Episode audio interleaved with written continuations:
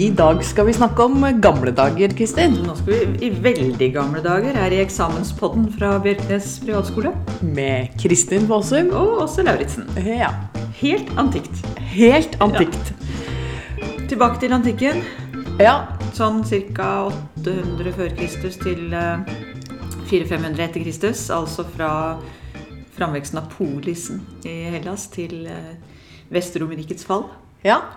Og når vi snakker om antikken, så i hvert fall historikerne snakker om eh, middelhavsområdet. Vi har fokus på middelhavsområdet og på gresk og romersk kultur, politiske forhold, sosiale forhold.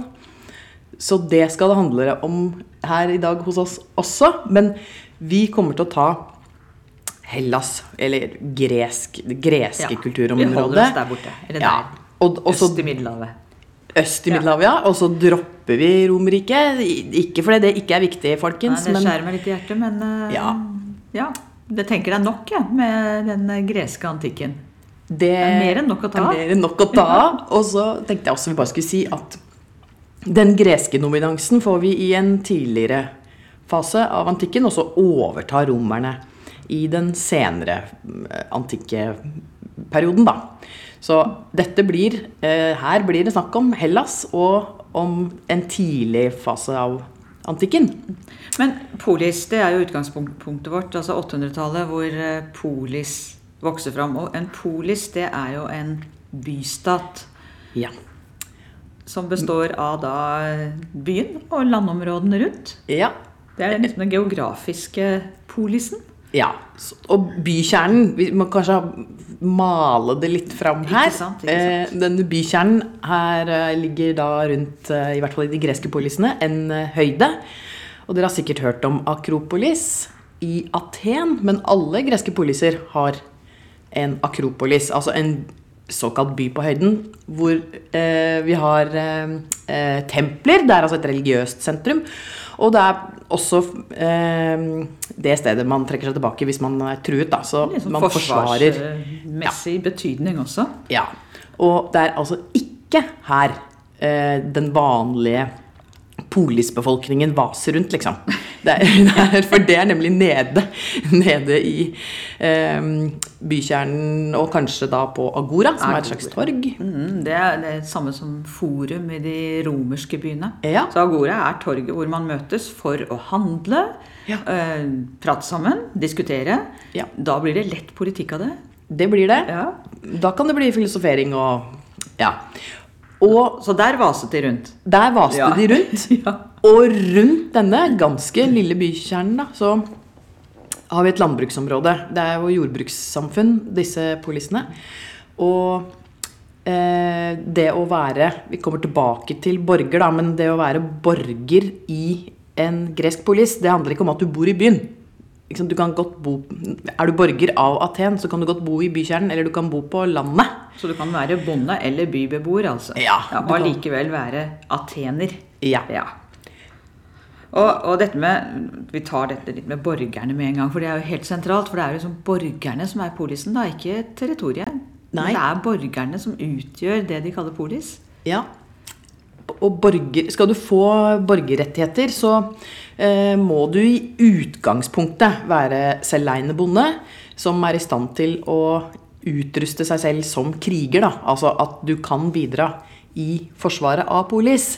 Når vi kommer et stykke lenger ut i Atens historie, så kan du faktisk være eiendomsløs, også fordi du kan ha arvet borgerrettigheter. Men her må vi tenke I utgangspunktet så må du ha ressurser på en måte da, til å eh, eh, kunne bidra i forsvaret og, av byen. Og da får du eh, både politiske rettigheter Du kan eh, både delta og stemme og være med og diskutere. Eh, politiske beskyt- politiske beslutninger i folkeforsamlingen. Og du kan eh, Du har selvfølgelig økonomiske rettigheter, eiendomsrett, du har bevegelsesfrihet. Altså, du har alle rettigheter, da. Men, så det å være borger, det er ganske eks eksklusivt. Ja, Eh, er Det varierer vel litt fra polis til polis eh, hvilke regler som gjelder, men hvis vi tar Aten, da, Ja. så begrenset jo antallet borgere seg bl.a. fordi du måtte være født av atenske foreldre, så foreldrene dine måtte være innafor også. Ja. Men det er jo noen som ikke har eh, borgerrettigheter, da. ja. Og det er jo blant annet kvinner. Blant annet kvinner, ja. Ja. Og så er det de såkalte fremmede. ja. Vi, eh, vi, jeg oversetter det litt upresist, da, men ja. Vi ville kanskje kalt det innvandrere. eller Det er- innflyttere. Innflyttere Ja. eh, som det kan Det er borgere Altså de, disse fremmede kan være borgere fra andre bystater, men de har jo ikke borgerrettigheter i Aten. Nei. Så for å gi et eksempel Aristoteles var en sånn Filosofen, jeg regner med at dere har hørt om Aristoteles, var en sånn såkalt fremmed, da. Men det kan Ja, være Innflytter. ja, det kan være handelsfolk, det kan være De kan eh, være Rekende fant. rekende fant, ja. Men det, det som er viktig, er at de er jo og kanskje få med seg er at De fremmede har noen rettigheter. altså De har f.eks. bevegelsesfrihet. De er ikke eid av en uh, slaveier. Nei. eh, og de har eh, eh, Men de har ikke politiske rettigheter. Så det er gradert altså hvilke rettigheter du har, etter Ja. hvilken status du har i samfunnet. Ja. Naturlig nok, kanskje. Ja. Eh, Så da har vi utelukket kvinner og innflyttere fra iallfall politiske rettigheter. Ja. Eh, Men så har vi slavene. Og en Ja. stor del av befolkningen, f.eks. i Aten, det var jo slaver. Ja. Iallfall en tredjedel av befolkningen var slaver. Ja. Og hele samfunnsøkonomien var jo basert på slavedrift. Mm. Og da ble det jo eid. Da blir du eid. Ja. Så da har du vi kan si ingen rettigheter, eller du har de rettighetene slaveeieren gir deg. Men i utgangspunktet har du ikke bevegelsesfrihet. Du må regne med å bli solgt, du kan regne med at barna dine kan bli solgt. Ja. Mm. Ingen rettigheter. Og arbeidskraften din utnyttes. Ja. Så med andre ord, det å være borger er eksklusivt, som sagt. Og da betyr det jo at det er jo en relativt liten del av befolkningen som har disse rettighetene. Ja, det er det.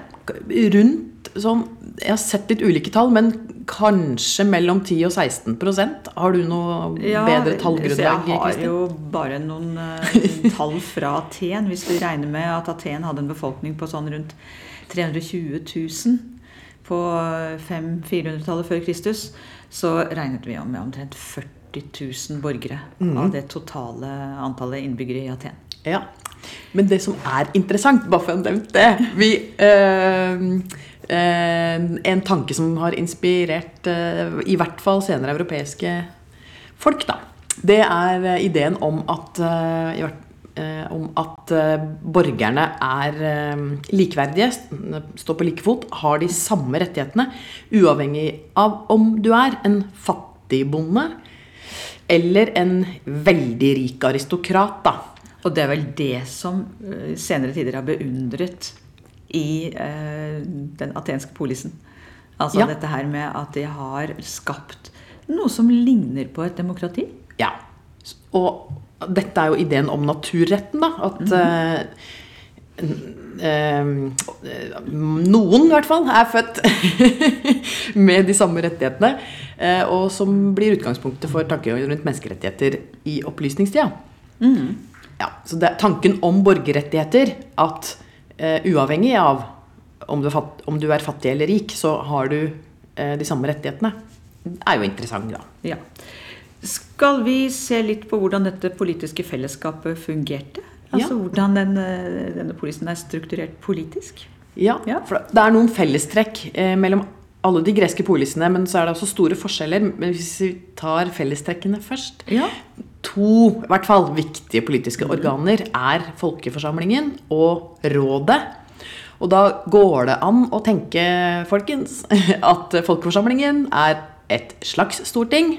Jeg, jeg sier storting i svære hermetegn. Ja, for der kommer det også igjen an på hvor vi er. For eh, i Aten f.eks. så hadde jo folkeforsamlingen rett til å vedta, foreslå og vedta. Ja. Mens i Sparta var jo den retten svært begrenset. Der måtte Ja. du bare nikke eller riste på hodet, si ja eller nei Ja. til forslaget. Ja. Så hvis, hvis vi tenker på en forsamling hvor eh, folket er representert Dere veit nå at folket er en veldig liten gruppe. Men Det er, det er hvis vi, få, få som er folk. ja, det er få som er folk i Aten. eh, Og andre poliser også.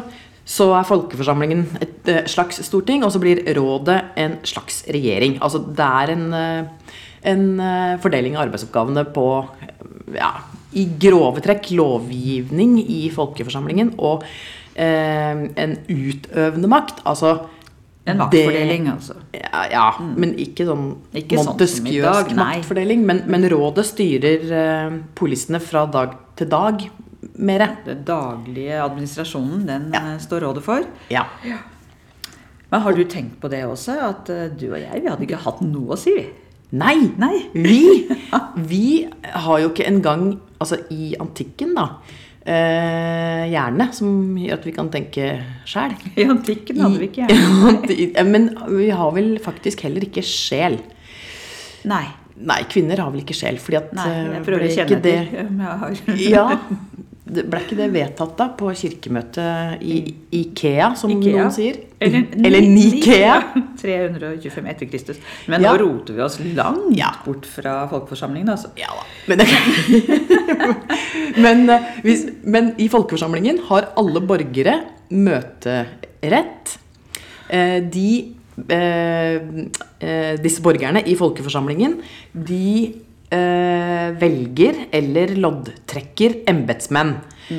Embetsmenn sitter f.eks. i rådet, eller hvis man skal eh, eh, si bygge templer på Akropolis, så må man ha en arkitekt f.eks.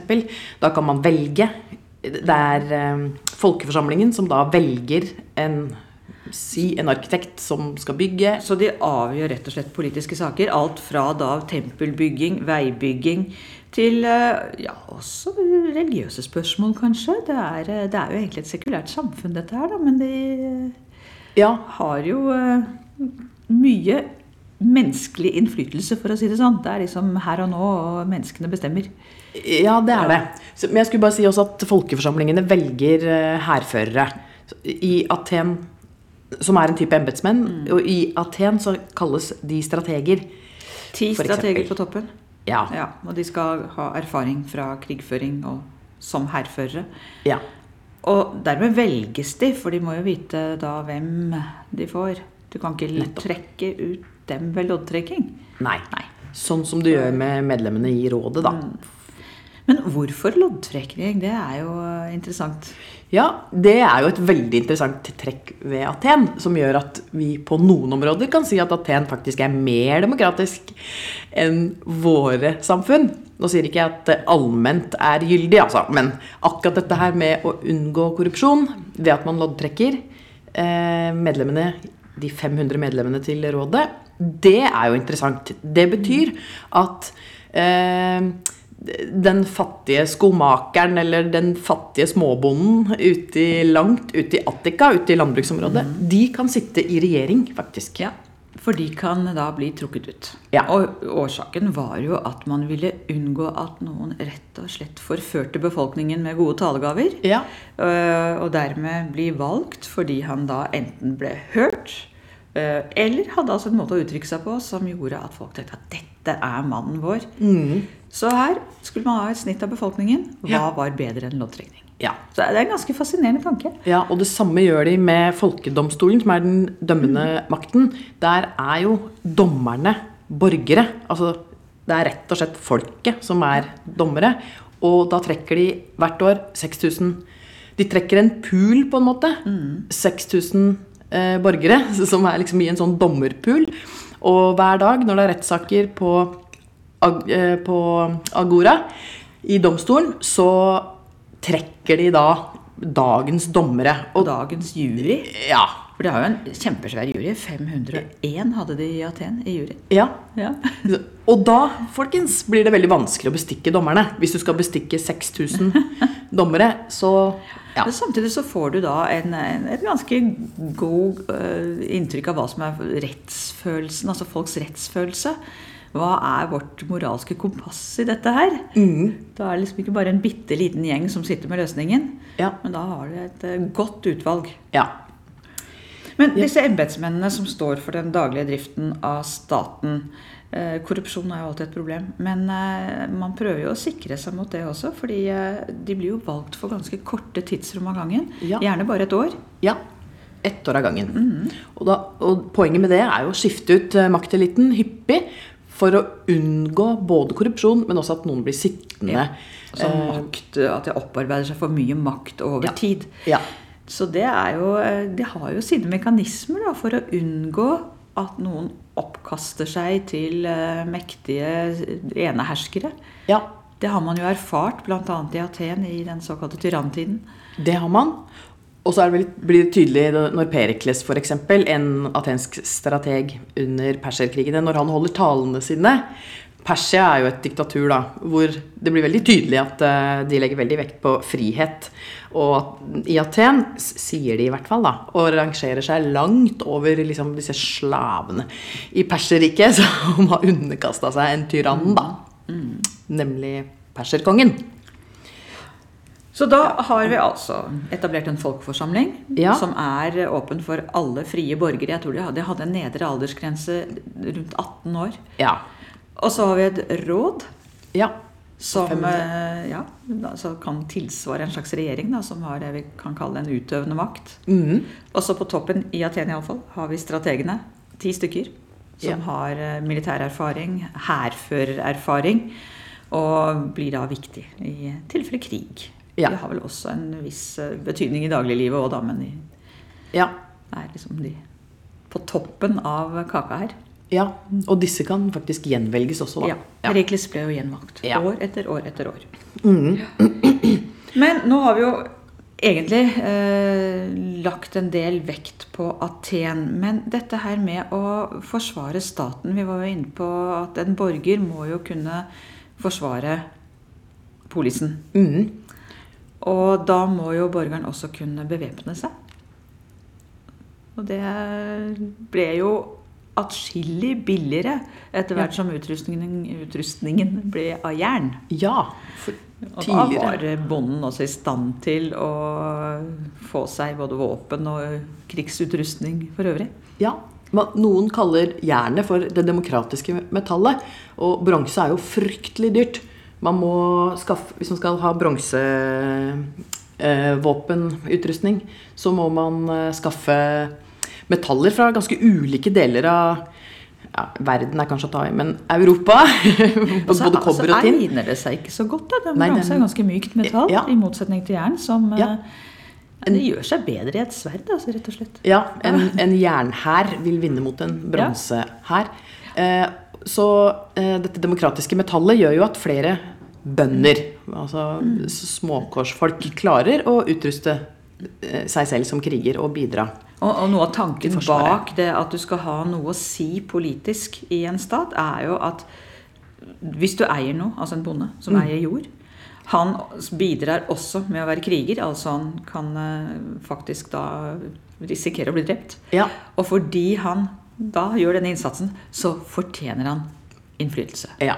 Så det er liksom tankegangen bak det. ja. Så det er bonde, kriger, borger. Ja. Altså at du i utgangspunktet er bonde som kan bidra med Forsvaret. Ikke sant. Dermed får du politiske rettigheter.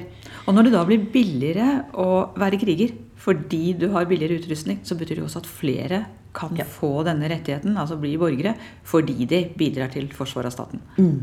Og det er jo det som skjer i Aten. Ja.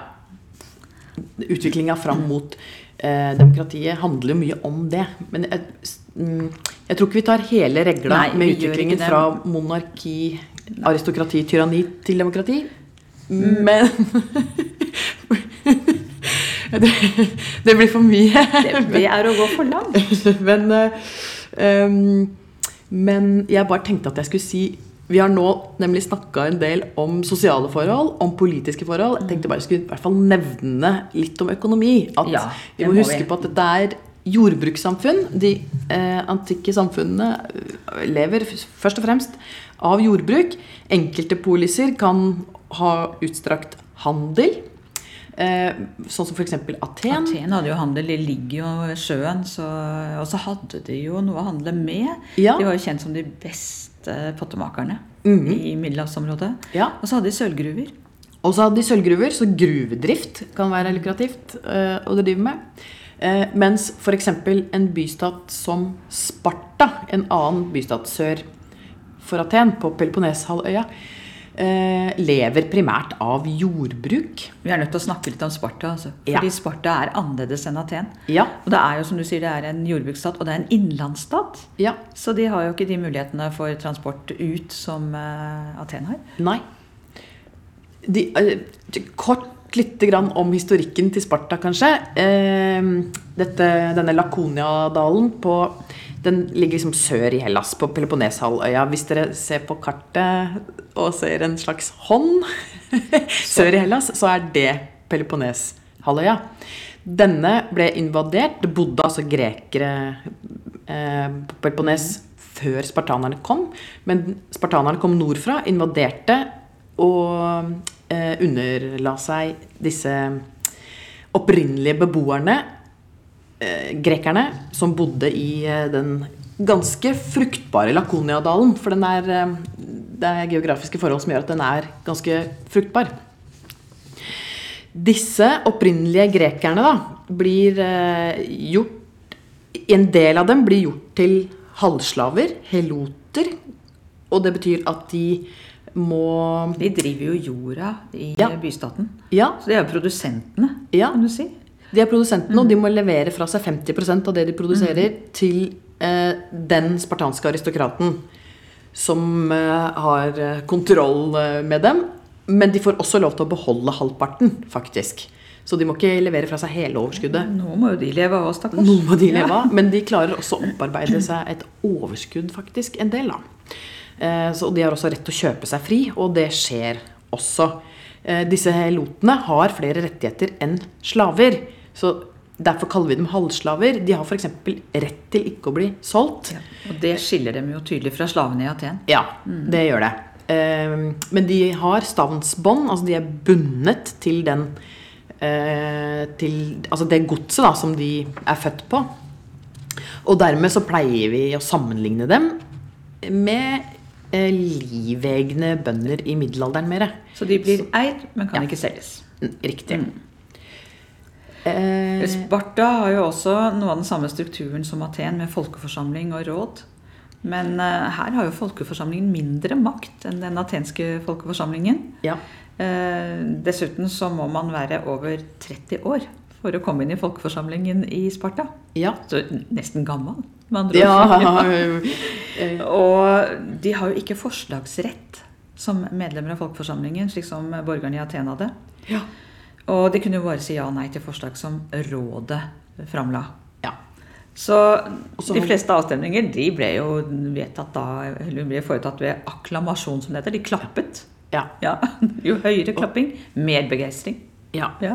Og så er det representanten fra rå rådet som avgjør eh, resultatet, eller utfallet, av avstemningen.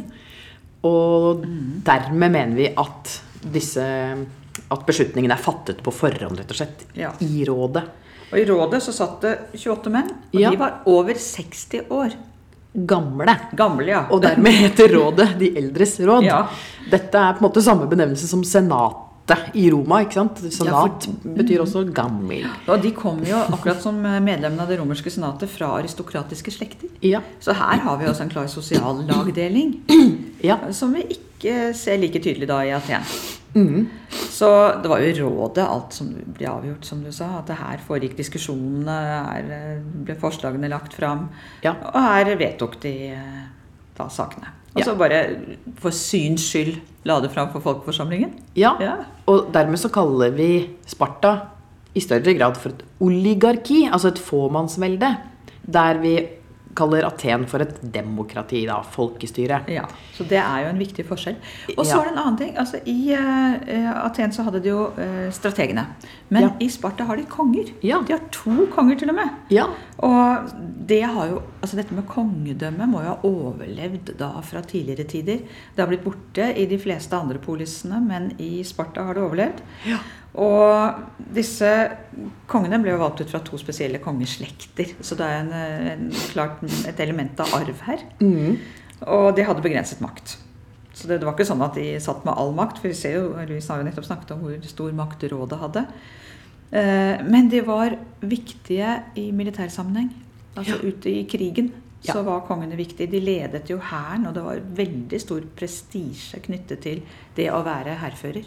ja. Altså fordi Sparta er jo en militærstat. Mm. Og religiøse ledere, det er en annen funksjon de har. Men først og fremst hærførere. Og det er to stykker av dem. Ved- I Sparta så har de ofte indre uroligheter som må slås ned. Disse helotene er jevnt over misfornøyd med situasjonen sin. Ja, det hadde jeg også vært hvis jeg var halvslave, så syns Ja. jeg ikke er noe rart. jeg. Nei, og og dermed må de ha en konge hærfører hjemme hvis de skal krige utad, hvilket spartanerne eh, nødig gjør. Mm. Fordi de har stort sett problem, problemer på hjemmebane. Og etter hvert så begynner de å erklære helotene krig hvert år. Ja, Og det etter- er jo sånn øv- krigstrening. ja. Ja. Eh, litt grann mer om sånne sosiale forhold i Sparta, s- som mange syns det er spennende med denne krigerutdanningen, eh, som jo er beinhard og vanskelig å overleve, faktisk. Så jeg, jeg tar bare lite grann om det. Eh, spartanske gutter de starter på eh, Hva skal jeg si? En kamp for livet. Allerede idet de er født, så blir de vurdert. Er du egnet som soldat eller ikke? Ja. Det er være eller ikke være. Ja. Mm. Har du en bitte liten skavank, eh, det kan være hva som helst, en eh, slapp arm eller altså, s- Kanskje du kan s- se litt bleik ut, jeg vet ikke. Som spedbarn så blir du kastet utfor en klippe, da. Det er jo helt grusomt, men her starter da prøvelsene for guttebarn. Eh, Så får de bo hjemme sammen med familien. Mor, stort sett, som er hjemme. Ja. eh, Fram til de er sånn seks-sju år. Da er du på internatskole. Da er det på Eller si, da internatskole. er du inne i militærbrakka. Ja, krigsskole kaller jeg det da. Og de lengter nok etter mamma. Jo, Ja. dåker. Små Syvåringer. Ja, og de, Ja. de- de må klare seg sjøl, de må skaffe seg mat sjøl, og det er beinhard trening. eh, På, på liv og død. Det er beinharde eksamener i gåseøyne hvert år som de må overleve. Og dette holder de på med til de er eh, 18 år. De som har overlevd Og, og det er ja, Bare for å beskrive litt grann det kort, det er øvelser som går ut på f.eks. at man skal eh, piske guttene og se hvem som står igjen til slutt. Altså hvem som ikke, Det er om å gjøre å ikke besvime. Ja. Eh, Brutale slåsskamper. Altså alle mulige fysiske anstrengelser. Og noen av dem ender med døden. For disse gutta, da. Men de som overlever og klarer å gjennomføre avgangseksamen, som er å drepe en helot usett, eller u uoppdaget, blir kriger. Og det er status. Det er status. Og de, eh, altså det er jo det spartanerne er kjent for. er jo Mhm. At det er krigere som står på til siste mann, om det så skulle være. Ja. Her gir vi ikke opp, gutter. Nei. Det er ikke noe sånn tilbaketrekning fra slagmarken her. Nei. Nei. Her er det å stå i Skjoldborgen til Ja. sistemann. Og de er jo også kjent for å vinne alt i eh, OL. Olympiske leker. Ja, det var, det, altså, Er jo De var gode til å suverene. løpe og kaste og hoppe og slåss og Ja. Mm. i det hele tatt. Ja. Så Og- her eh, slår de de andre bystatene, altså. Ja, det gjør de. Men dette, denne konsentrasjonen om det militære og om å holde disse helotene på plass, gjør jo at Sparta blir en ganske lukket stat, så de får jo veldig lite impulser utenfra. Mm. Ja. Og det blir vel også Spartas eh, nederlag etter hvert. Ja. Sånn at det, det hindrer jo en viss fornyelse og utvikling og Ja, ja, det gjør det. Pluss at eh, borgerrettighetene i Sparta blir mer og mer eks eksklusive. Det er færre og færre borgere. Eh, og, og dette gjør jo at de er i stadig eh, mindre grad i stand til å eh, holde helotene i eh, tøyle, da. Og dermed så bukker de til slutt under for eh, helotene. Sånn på 300-tallet. tre- 300, og- ja, 30, noe rundt der. eh, ja. Nå har vi jo beskrevet to veldig forskjellige poliser. Og det ender jo med at disse ender i krig med hverandre. Ja, Ja. det gjør det. Og det har jo selvfølgelig handler det om ressurser, og det handler om eh, makt. Og hvem skal være den mektigste staten i dette området? Ja. For hvis vi hever blikket litt grann, så ut av Sparta og Aten, da. Hele dette polisfellesskapet, som, jo er selv, som består av selvstendige stater.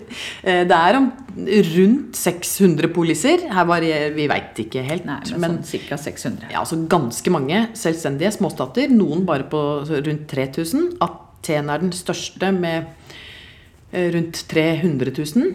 Eh, disse polisene ligger i konstant krig med hverandre. Men eh, graden av konflikt varierer jo en del, da. Men vi har innimellom eh, epoker hvor de klarer å alliere seg med hverandre. Og f.eks. perserkrigene er en sånn situasjon hvor de klarer de greske polisene å alliere seg mot en felles fiende. Alltid- Alltid nyttig med en ytre fiende. Ja. Men eh, så viser det seg jo, eller si Sparta beskylder jo Aten for å, å utnytte denne alliansen mot perserne Mm. til å berike seg selv. ja. Og da, vokser det jo fram nye allianser. Den ene er jo en allianse del- som er ledet av Aten. Aten. Ja. Den andre er jo en allianse, eller et forbund, da, ledet av Sparta. Ja. Og det er jo de som da eh, ryker i tottene på hverandre når vi kommer ut på ja, 400-tallet. ja. Alt dette skjer på 400-tallet. Ja. Så først perserkrigene, hvor faktisk Aten og Sparta for én gangs skyld klarer å stå sammen mot perserne. Og greier å slå perserne tilbake. og slår perserne tilbake mot alle odds. Det er jo Mhm. helt utrolig! At de får til det.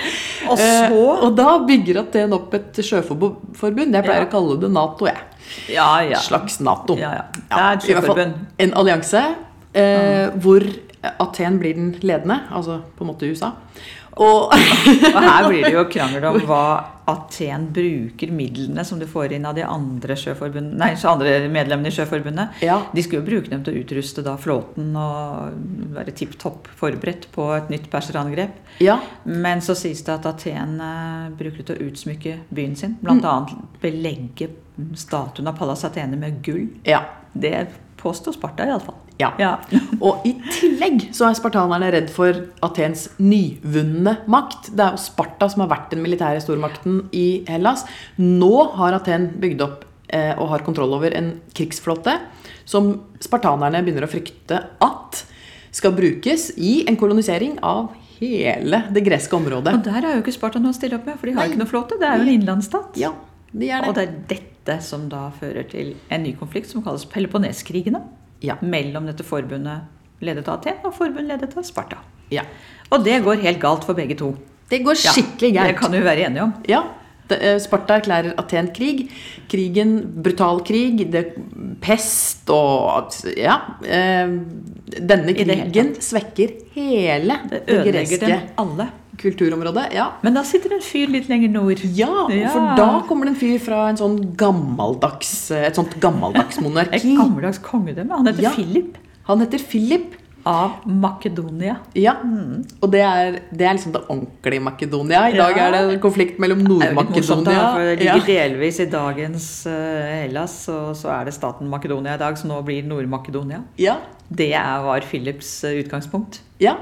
Eh, eh, så så området rundt Thessalon, dagens Thessaloniki eh, er mm, Altså nord i Hellas, dagens Hellas, mener jeg. Eh, det er Makedonia. Ja. Og denne Philip blir jo sett på som den kongen som samler Hellas, da. Så Hellas oppstår med Philip. Men han var jo Kong en, Philip. en dyp beundrer av gresk kultur. Ja. Han eh, skaffet jo bl.a. en kjent gresk filosof som lærer for sønnen sin. Aristoteles var jo lærer for sønnen Aleksander. Ja. Så han hadde ikke noe mot å legge under seg eh, Hellas. Nei. Og det gjør han etter at eh, de greske bystatene har svekket seg selv. Ah, Han utnytter jo den eh, situasjonen hvor de er svært sårbare. Ja.